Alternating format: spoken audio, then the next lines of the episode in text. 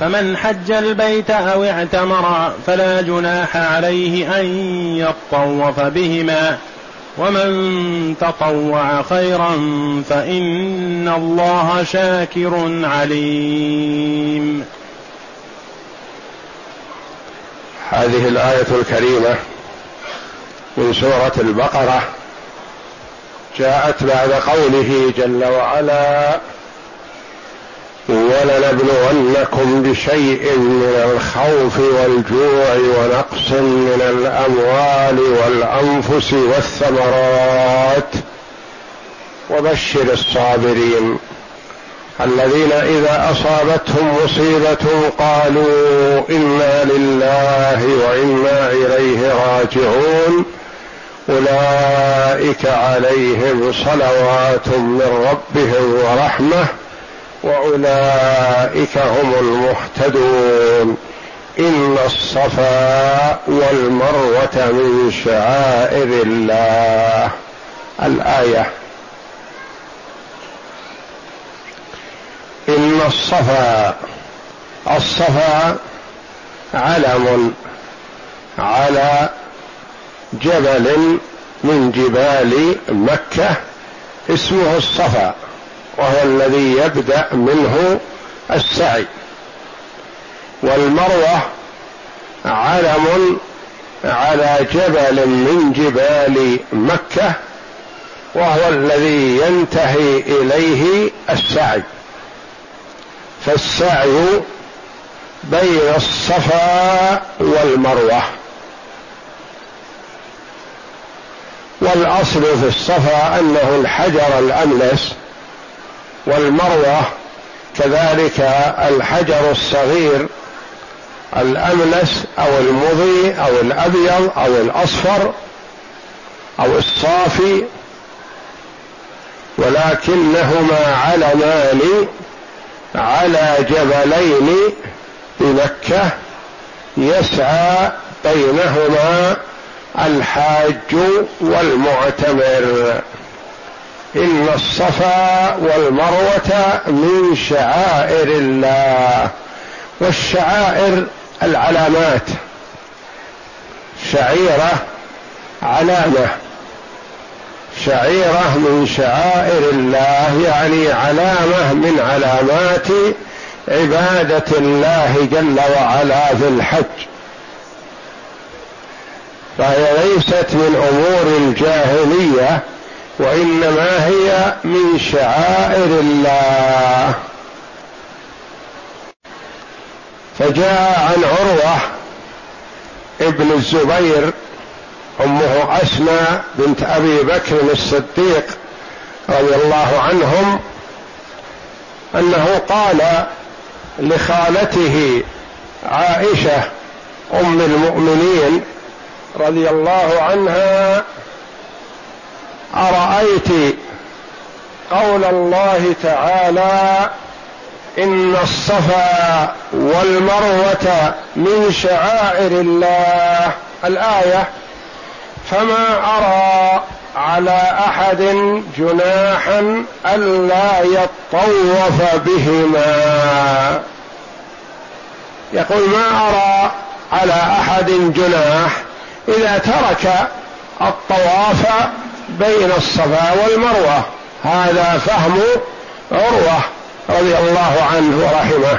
عروة بن الزبير أخو عبد الله بن الزبير وابن الزبير وابن وامه أسماء بنت أبي بكر الصديق. وذلك أنه فهم من قوله تعالى إن الصفا والمروة من شعائر الله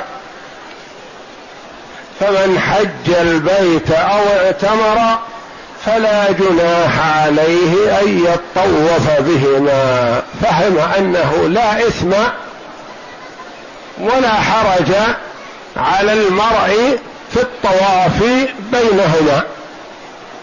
فكذلك لا إثم ولا حرج في أن يترك الطواف بينهما.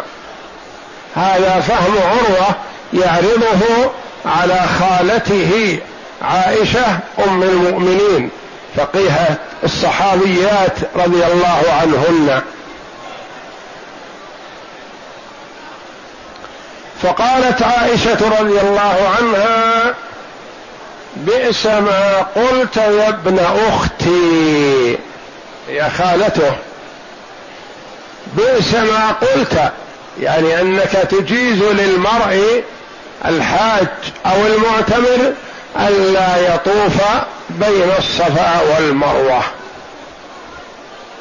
بئس ما قلت يا ابن أختي إنها لو كانت على ما أولتها أنت كانت فلا جناح عليه ألا يطوف بهما.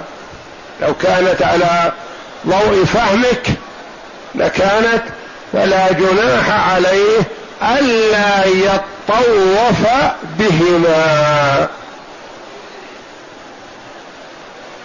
ولكنها إنما أنزلت لأن الأنصار أهل المدينة رضي الله عنهم صحابة رسول الله صلى الله عليه وسلم سموا بهذا الاسم لأنهم ناصروا النبي صلى الله عليه وسلم.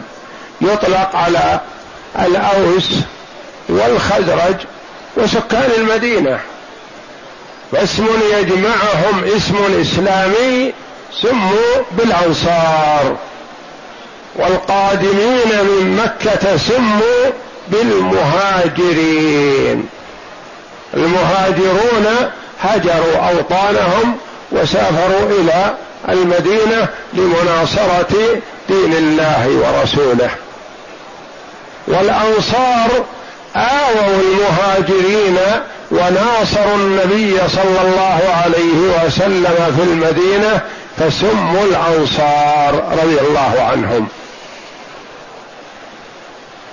إنما أنزلت لأن الأنصار قبل أن يسلموا كانوا يهلون لمنات منات صنم من الأصنام التي تعبد في الجاهلية وهي من أكبر الأصنام. كانوا يهلون لمنات لطاغية كانوا يعبدونها. وكان من أهل لها يتحرج أن يطوف بين الصفا والمروة في الجاهلية. لأن الصفا والمروة كان عليهما صنمان في الجاهلية. ومنات كانت بالمشلل.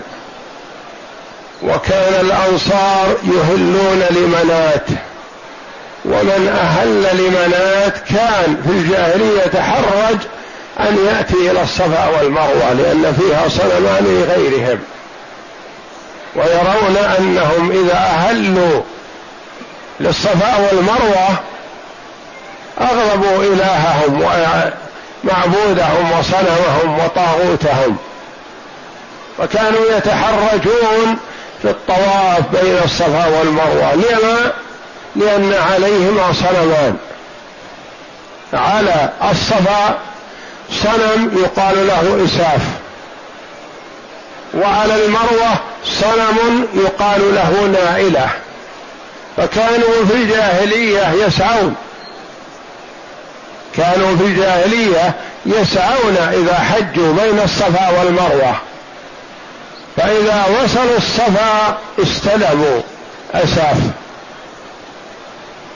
وإذا وصلوا المروة استلموا نائلة. معبودات تعبد من دون الله. ما هي أصلها؟ قيل إن أصلها كان رجل وامرأة التقيا في الكعبة فزنى الرجل بالمرأة فمسخا حجرين على صورتهما. وقيل إنهما هما بفعل الفاحشة ولم يتمكنا منها فمسخا حجرين. فأخرجتهما قريش وجعلت اسم الذي هو الرجل على الصفا. وجعلوا نائلة على المروة ليعتبر الناس فيجتنبوا فعل الفواحش في الحرم وفي جوف الكعبة. أصل وضعها للاعتبار والموعظة والزجر. فلما طال العهد عبدوا من دون الله. هكذا نقلت كتب التاريخ. وكان إلى أن جاء الإسلام وأسعف على الصفا ونائل على المروة. لكن هل وضعهما هذا كان بسبب همهم بالزنا أم لغير ذلك وكانوا يتمسحون بهما في الجاهلية ويتوجهون إليهما. فالأنصار رضي الله عنهم لما أمروا بالحج كانوا يتحرجون. يسعون بين الصفا والمروة لأنهم لا يدرون ما أصله. وعلى أن أصله إساف ناعلة. وكانوا يظنونها من شعائر الجاهلية. وليس كذلك. بل الصفا والمروة من شعائر الله حينما أمر الله جل وعلا إبراهيم عليه السلام بأن يحج البيت. فحج ومن شعائر حجه الصفا السعي بين الصفا والمروة. وأصله كما جاء أن إبراهيم عليه السلام لما وضع هاجر وابنها إسماعيل عند مكان البيت قبل أن يبنى وهو مكان مرتفع قليلا. وضعهما ومعهما سقى فيه ماء وجراب فيه تبر. فكانت هاجر تأكل من التمر وتشرب من الماء وتدر اللبن على ولدها إسماعيل. على هذا وقت وهما وحدهم المرأة وابنها في هذا المكان وضعهما إبراهيم عليه السلام وذهب إلى الشام. ودعا لهما لما أبعد عنهما قليلا واصبحوا لا يرونه. فلما نفد الماء في سقى والتمر لا تأكل ولا تشرب وليس حولها شيء. نشف ضرعها ما فيها لبن ما فيها في ثديها ما في لبن. فأخذ الولد الصغير يصيح ويصرخ. وأمه تتفطر كبدها على ولدها ما بيدها من الأمر شيء. فكانت تذهب إلى الصفا أقرب جبل إليها وابنها عند مكان زمزم وحول الكعبة وقبل أن تبنى فترقى إلى الصفا. لعلها تجد أحد يسعفها في حالة حرجة. فترى يمين وشمال فلا ترى أحد فتنزل. فإذا صارت في بطن الوادي أسرعت. ثم نظرت فإذا أقرب جبل منها جبل المروة فصعدت عليه. وأخذت تلتفت يمينا وشمالا. ثم تعود إلى ولدها ثم تعود هكذا بين الصفا والمروه سبع مرات. فإذا بها بإحدى عوداتها إلى ولدها إلى الماء قد نبع بين رجلي الولد. ففرحت به رضي الله عنها وأسرعت إليه وكللته بالتراب حتى لا يسيح. ما يسوى عندها كل شيء. وخشية أن يسيح في التراب أخذت تكلله. وغرفت منه وشربت وأرضعت ابنها فسكت.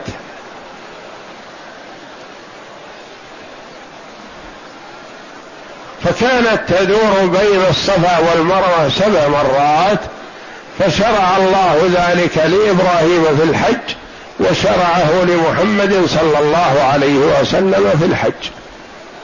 فالصفا والمروة من شعائر الله. ليست من شعائر الجاهلية وإنما الجاهلية أخطأوا فيها فيما بعد. أخطأوا بأن أوضعوا على كل واحدة صنم وعبدوا الأصنام من دون الله. ومن المعلوم أنهم أكثر الأصنام فالنبي صلى الله عليه وسلم يوم فتح مكة. دخل الكعبة عليه الصلاة والسلام فوجد فيها ثلاثمائة وستين صنما تعبد من دون الله. منها الكبير ومنها الصغير ومنها من يعبده طوائف كثير ومنهم من يعبده أفراد ومنهم من يعبده العائلة. ثلاثمائة وستون صنم في جوف الكعبة تعبد من دون الله. وكانوا في الجاهلية يعبدون ما يعبدونه من حجر أو لوح أو نحو ذلك فإذا وجد حجرا أجمل وأحسن منه رمى الحجر الأول وأخذ الحجر الثاني وبدأ يسجد له ويركع. ومنهم من يعبد الجمع من التمر يجعل سرة من التمر يعبدها من دون الله يسجد لها ويركع. فإذا جاء أكلها وانتهت. معبوده يأكله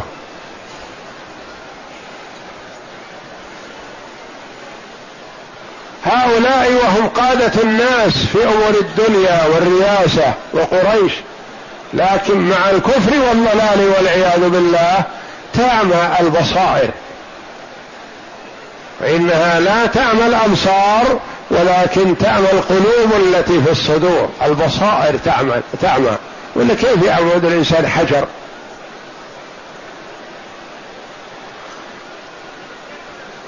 فهي الصفا والمروة شعيرة وشعائر من شعائر الله من علامات دين الله من علامات الحج وليست من علامات الجاهلية وليست من معبودات الجاهلية وإنما أحدث فيها ما أحدث. فإذا كان الأمر مما عظمه الله جل وعلا وجعله شعيره من شعائر الدين فلا يؤثر عليه ما يعمل نحوه من أهل الجاهلية. ومثلا الكعبة شرفها الله هي أفضل بقعة في الأرض وهي بيت الله جل وعلا وبيت الله النسبة إلى الله نسبة تعظيم وتشريف للكعبة. ووضعت فيها الأصنام ما ضرتها ولا حطت من قدرها. تزال الأصنام وتبقى على عظمتها.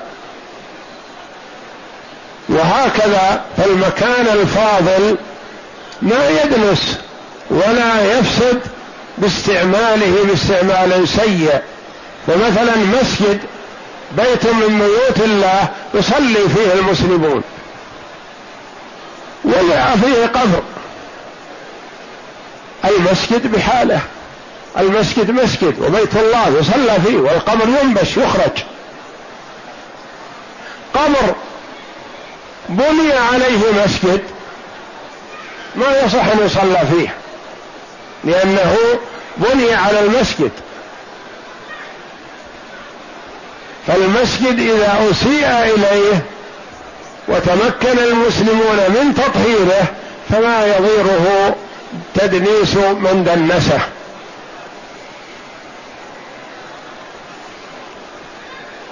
فعائشة رضي الله عنها يأخذ عنها الصحابة ويأخذ عنها التابعون رضي الله عنها وأرضاها.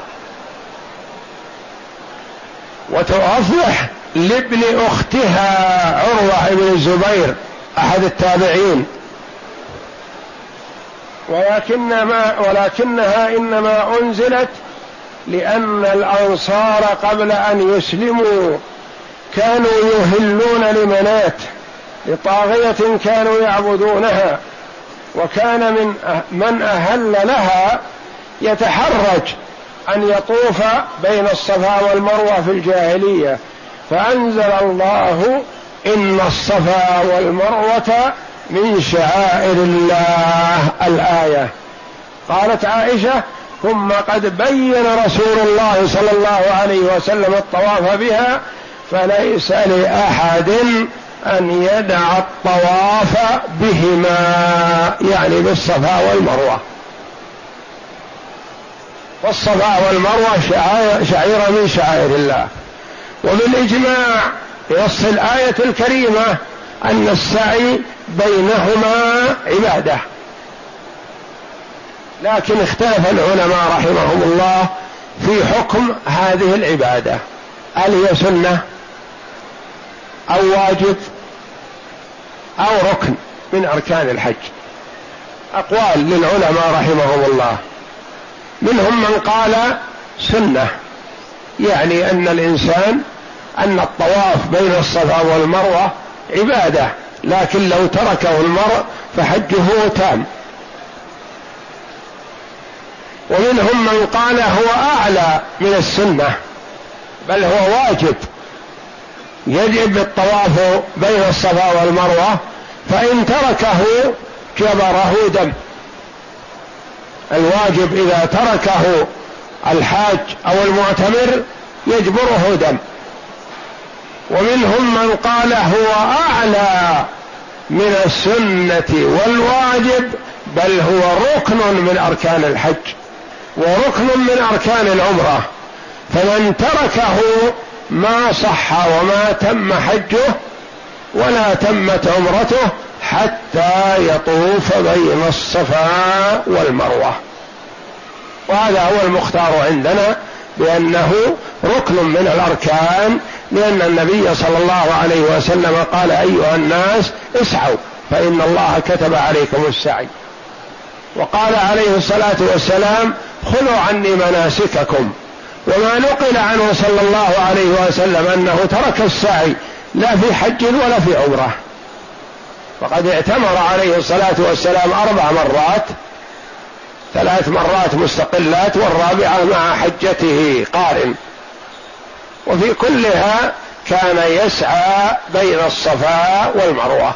وحج صلى الله عليه وسلم بعد هجرته صلى الله عليه وسلم إلى المدينة مرة واحدة التي تسمى في حجة الوداع لأنه عليه الصلاة والسلام ودع الناس فيها. هي سميت حجة الوداع. ليس معناه أنه حج قبلها في الإسلام وودع في هذه لا وإنما هو ودع الناس في هذه الحجة لأنه قال عليه الصلاة والسلام لعلي لا ألقاكم بعد عامي هذا. فهو حج عليه الصلاة والسلام في السنة العاشرة وفي أول السنة الحادية عشرة لحق بالرفيق الأعلى صلوات الله وسلامه عليه توفاه الله بعدما أتم له الدين. فودع الناس صلى الله عليه وسلم فيها فسميت حجة الوداع وإلا هي وحيدة. هاجر صلى الله عليه وسلم ومكث في المدينة عليه الصلاة والسلام بعد هجرته عشر سنين ما حج لأنه ما فرض إلا في السنة التاسعة من الهجرة. كان في الأول غير مفروض لأن مكة بأيدي الكفار. والله جل وعلا أرفق وأرحم بعباده من ان يفرض عليهم الحج وهم لا يستطيعون الوصول إلى مكة لأنها بأيدي الكفار. فلما فتح الله جل وعلا لرسوله صلى الله عليه وسلم في السنة الثامنة فرض الله الحج على المسلمين في السنة التاسعة فأمر النبي صلى الله عليه وسلم أبا بكر رضي الله عنه بأن يحج بالناس في السنة العاشرة أمر عليه الصلاة والسلام على الحج أبا بكر الصديق رضي الله عنه. وأعلن في السنة العاشرة عليه الصلاة والسلام أنه حاج.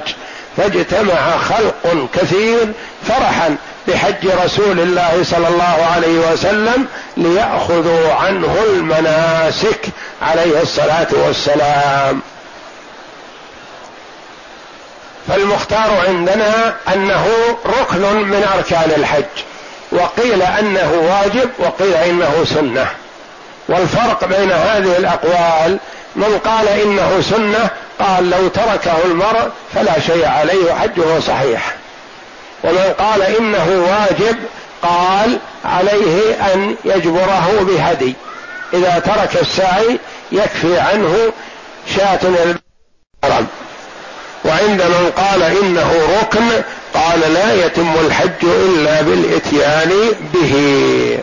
فالأركان ما تسقط بحال وإذا فات شيء منها ما حج المرء. والأركان أركان الحج أربعة هي نية الدخول في النسك والوقوف بعرفة والطواف بالبيت طواف الإفاضة والسعي. أربعة. هذه لا بد من الاتيان بها. النية إذا ما نوى الإنسان ما دخل في النسك أصلا. وإذا فاته الوقوف بعرفة فاته الحج كله لأنه يفوت وعليه أن يتحلل بعمرة. وأما الطواف والسعي فوقتهما بحمد الله موسع.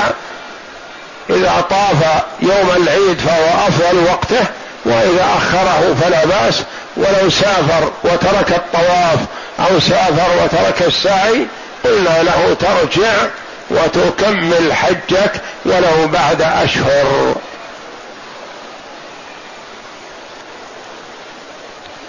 إن الصفا والمروة من شعائر الله فمن حج البيت أو اعتمر. من حج أو اعتمر والحج هو قصد مكة لأداء هذا النسك الذي شرعه الله جل وعلا على لسان رسوله صلى الله عليه وسلم. والعمرة هي في اللغة الزيارة وهي قصد مكة لأداء شعائر العمرة. والحج وقته موحد. الحج أشهر معلومات فمن فرض فيهن الحج فلا رفث ولا فسوق ولا جدال في الحج. الحج عرفة من فاتته عرفة فاته الحج. يدرك الحج بإدراك عرفة ولو لحظة قبل فجر يوم العيد. إذا أدرك عرفة قبل فجر يوم العيد ولو بلحظة أدرك الحج. والحج مرة واحدة في السنة. والعمرة في سائر أيام السنة والحمد لله. أي وقت اعتمر فيه المرء فعمرته صحيحة في أي يوم ولا ينهى عن العمرة في أي وقت من الأوقات. فمن حج البيت أو اعتمر يعني قصد البيت الذي جعله الله جل وعلا تأوى, تأوي إليه الأفئدة وتهواه وتميل إليه وهو أفضل بقعة في الأرض. وميزه الله جل وعلا بأن نسبه إليه بيت الله. فلا جناح عليه أن يطوف بهما. تقول عائشة رضي الله عنها لا لا يتصور أن عليه إثم في إذا طاف بين الصفا والمروة لأن الصفا والمروة من شعائر الله. ولا إثم في الطواف ثم يرجع إلى الأمر به بقوله صلى الله عليه وسلم أيها الناس اسعوا فإن الله كتب عليكم السعي. وتقول عائشة لا والله من ترك السعي ما تم حجه أو كما قالت رضي الله عنها. والنبي صلى الله عليه وسلم قال خذوا عني مناسككم. فأمر بالاقتداء به عليه الصلاة والسلام في الحج. فلا جناح عليه أن يطوف بهما ومن تطوع خيرا. تطوع يعني جاء بنفل طاعة. خيرا يعني تطوع بطاعة لله جل وعلا. فإن الله شاكر عليم. قال بعض العلماء استدل بهذه الآية على جواز تكرار السعي. لأن الله ذكر التطوع بعد الإتيان بالسعي بين الصفا والمروة. يعني من تطوع يعني قد يفهم من ظاهر الآية من تطوع يعني زاد على السبعة ثمانية السعي أو من تطوع سعى سبعة أشواط بين الصفا والمروة ثم سعى سبعة أشواط أخرى بين الصفا والمروة فإن الله شاكر عليم. قال بهذا بعض العلماء رحمة الله عليهم لكن هذا فهم بعيد. فالنبي صلى الله عليه وسلم قال خذوا عني مناسككم. كرر الطواف صلى الله عليه وسلم ولم يكرر السعي. والشرع ما شرعه الله جل وعلا في كتابه أو على لسان رسوله صلى الله عليه وسلم. اذا من تطوع خيرا من أتى بطاعة لله مشروعة. فإن الله شاكر عليم. من تطوع يعني أتى بطاعة مشروعة. أتى بطاعة غير مشروعة يكون آثم مبتدع.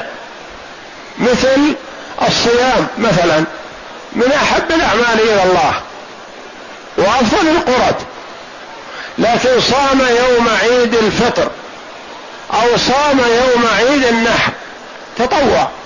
هل يقبل تطوع هذا؟ لا والله يكون آثم. إذا صام يوم عيد الفطر يكون آثم ويحرم عليه ذلك يكون ارتكب محرم. فكذلك أي طاعة يلزم أن تكون خالصة لله تعالى وصوابا على سنة محمد صلى الله عليه وسلم. خالصا صوابا. فمن كان يرجو لقاء ربه فليعمل عملا صالحا ولا يشرك بعبادة ربه أحدا. صوم يوم العيد عمل غير صالح لأنه ما شرعه النبي صلى الله عليه وسلم. فمن تطوع خيرا تطوع بأي نوع من أنواع الطاعات المشروعة بهذا الشرط. أما أن يتطوع مثلا بزيادة صلاة الظهر بدل أربع يجعلها ست. هذا يصح؟ لا والله. بدل يصلي المغرب ثلاث ركعات يجعلها أربع يقول لي ما يخسرها مثل العشاء خليها هل تصح؟ لا والله. لأن حتى وإن كان ظاهرها أنها طاعة وعبادة لله لكنها ليست مشروعة. ومن تطوع خيرا يعني أتى بطاعة مشروعة قلت أو كثرت فإن الله شاكر عليم. يشكر لعبده فعله. عليم بفعله وإن خفي. يعني قد يعمل العبد العمل في جوف الليل ما يطلع عليه أحد إلا الله سبحانه وتعالى. يثيبه الله جل وعلا ذلك ويكون هذا أحب العمل إليه لأنه أخلصه لوجه الله جل وعلا.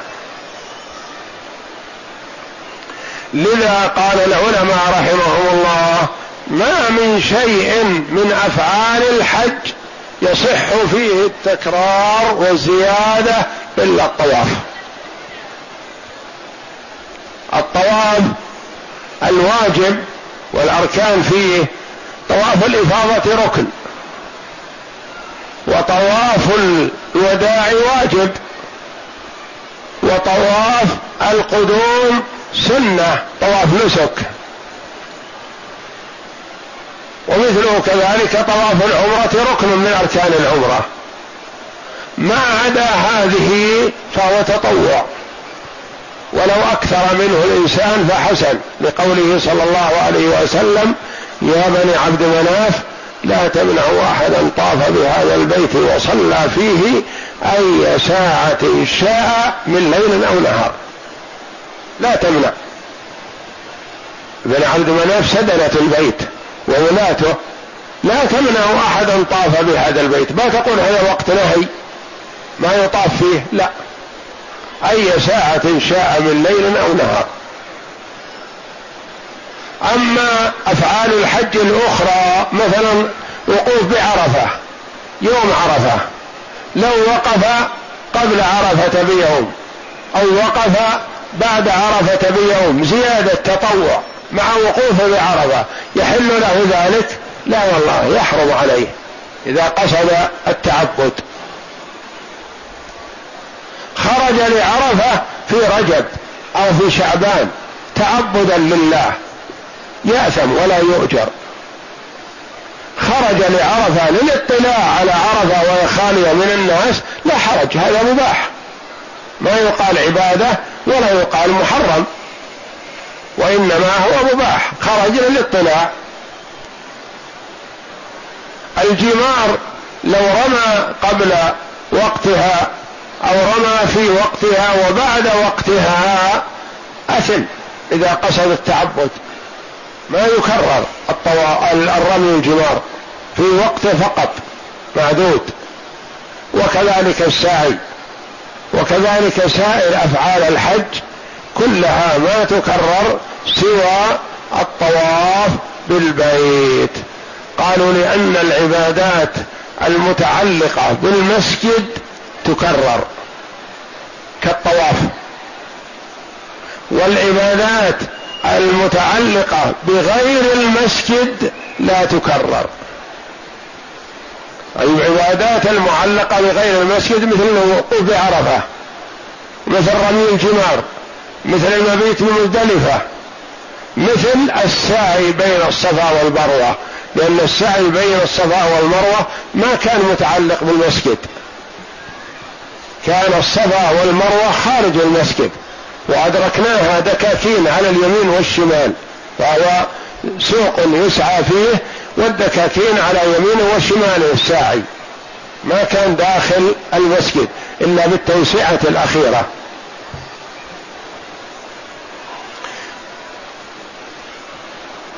ومن تطوع خيرا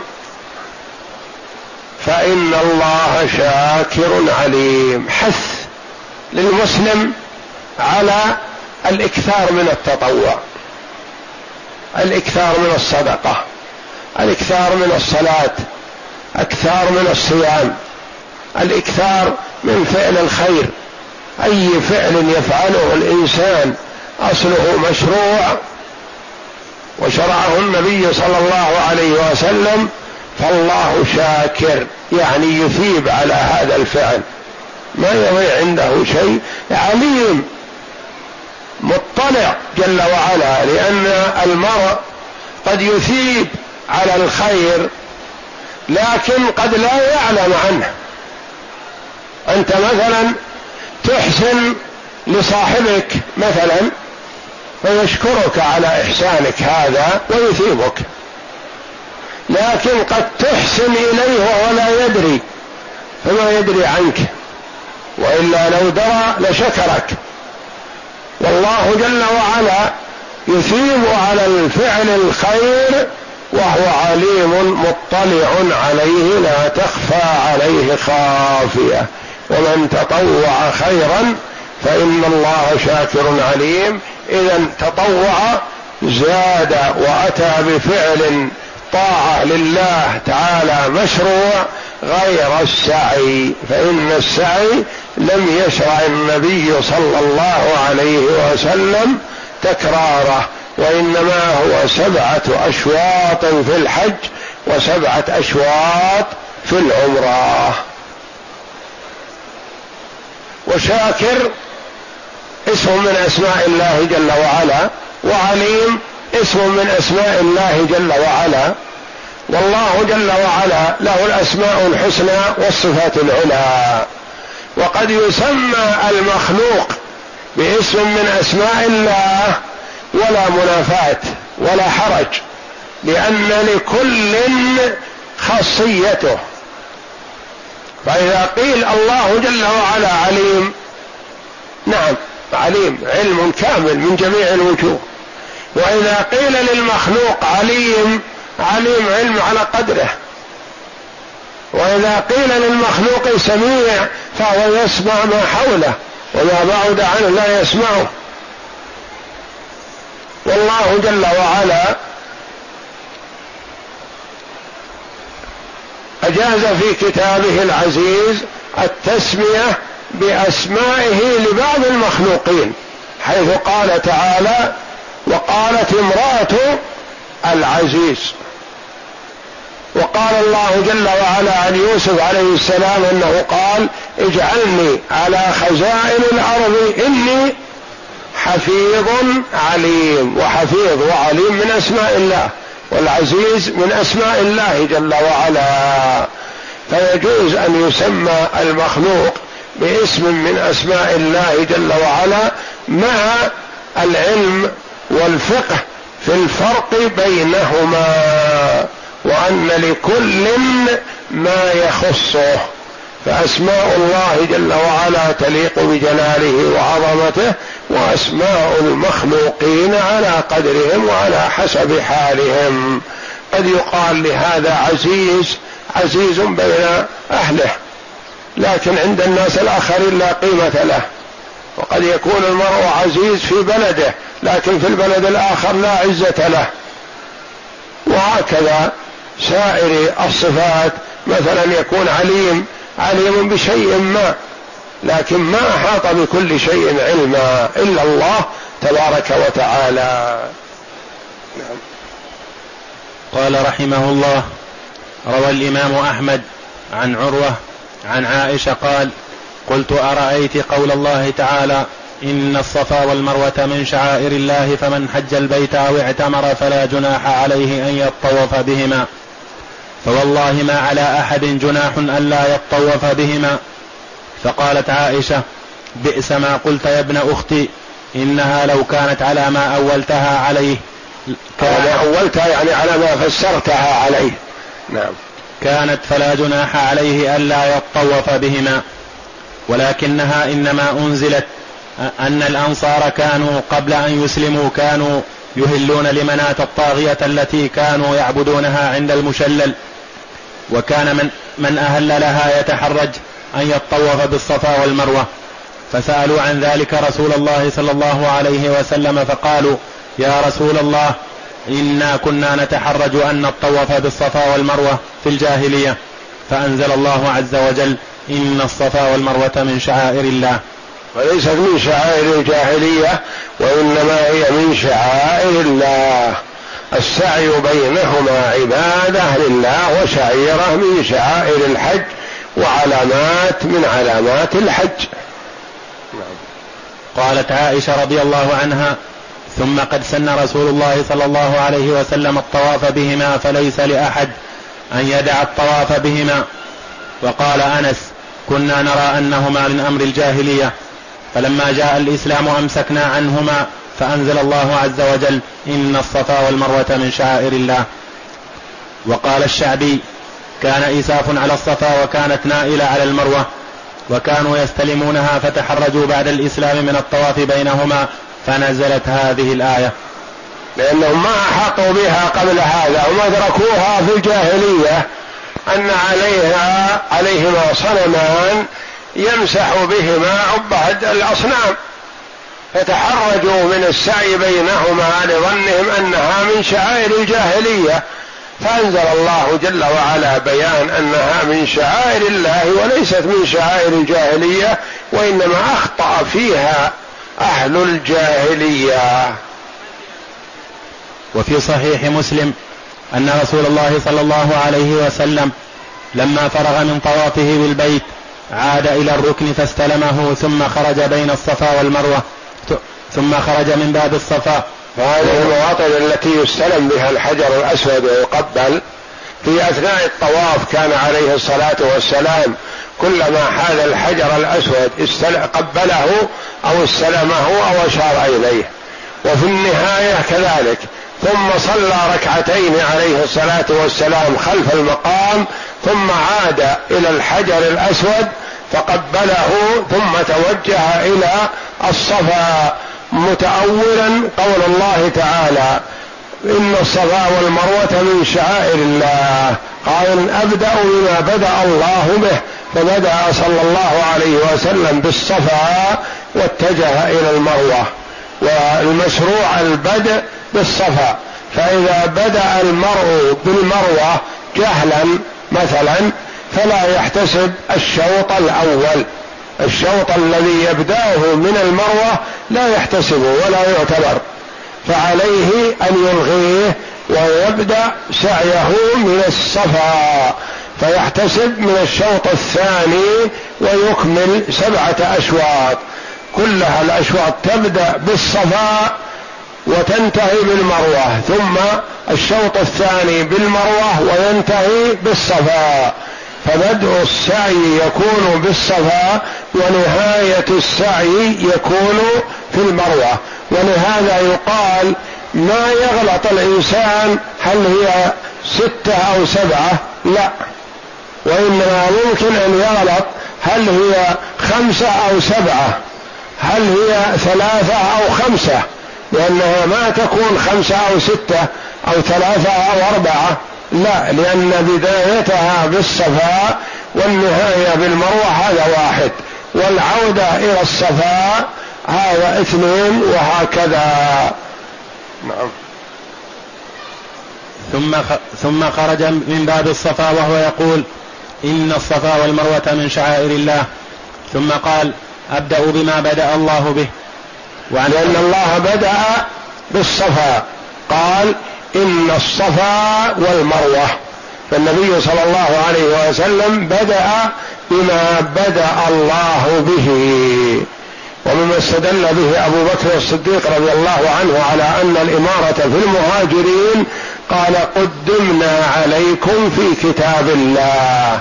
جاء في كتاب الله المهاجرون والأنصار المهاجرون والأنصار. ما جاء الأنصار والمهاجرون؟ نعم.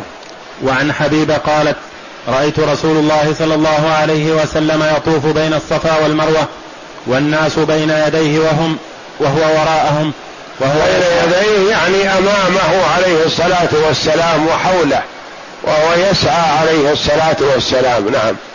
حتى أرى ركبتيه من شدة السعي. يدور شدة سعيه تبرز ركبتاه عليه الصلاة والسلام من تحت الإزار. وهو يدور به إزاره من شدة ما يسعى سعيا حثيثا عليه الصلاة والسلام في بطن الوادي. وهو السعي في بطن الوادي سنة.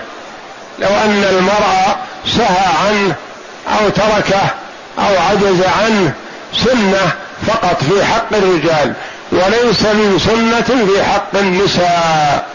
فالرجال يشرع لهم الاطباع ويشرع لهم الرمل حول الكعبة ويشرع لهم السعي الشديد في بطن الوادي بين الصفا والمروة. والنساء لا تشرع لها هذه لأنه مطلوب من النساء الستر. والسعي الشديد قد يبدي شيئا من عورتها. فهي منهية عن السعي وليس مشروعا بحقها.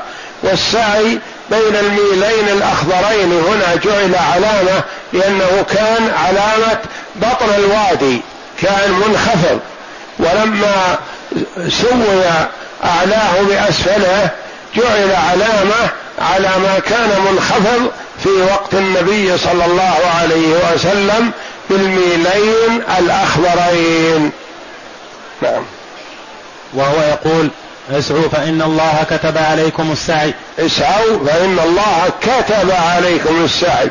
فالكتابة من الله جل وعلا تدل على الوجوب. هذا من أدلة من استدل بأن السعي ركن من أركان الحج. كما قال الله جل وعلا يا أيها الذين آمنوا كتب عليكم الصيام كما كتب على الذين من قبلكم. اسعوا فإن الله كتب عليكم السعي. نعم. وقد استدل بهذا الحديث من يرى أن السعي بين الصفا والمروة ركن في الحج كما هو مذهب الشافعي ورواية عن الإمام أحمد وهو المشهور عن مالك.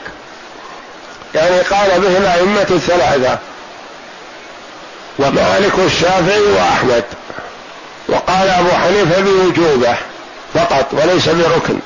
وقيل قال بعض العلماء رحمهم الله وروي عن بعض الصحابة رضي الله عنهم بأنه سنة فالمسألة فيها خلاف. نعم. وقيل إنه واجب وليس بركن فإن, فإن تركه عمدا أو سهوا جبره بدم وهو رواية عن أحمد. وقيل رواية عن الإمام أحمد وهو قول لبعض العلماء. نعم. وقيل بل مستحب واحتجوا بقوله تعالى فمن تطوع خيرا. اعتبروه تطوع وقيل مستحب وليس بواجب ولا ركن. نعم. والقول الأول أرجح. القول الأول هو قول الجمهور بأنه ركن من أركان الحج للأدلة التي عرفناها. نعم. لأنه عليه السلام طاف بينهما وقال خذوا عني مناسككم.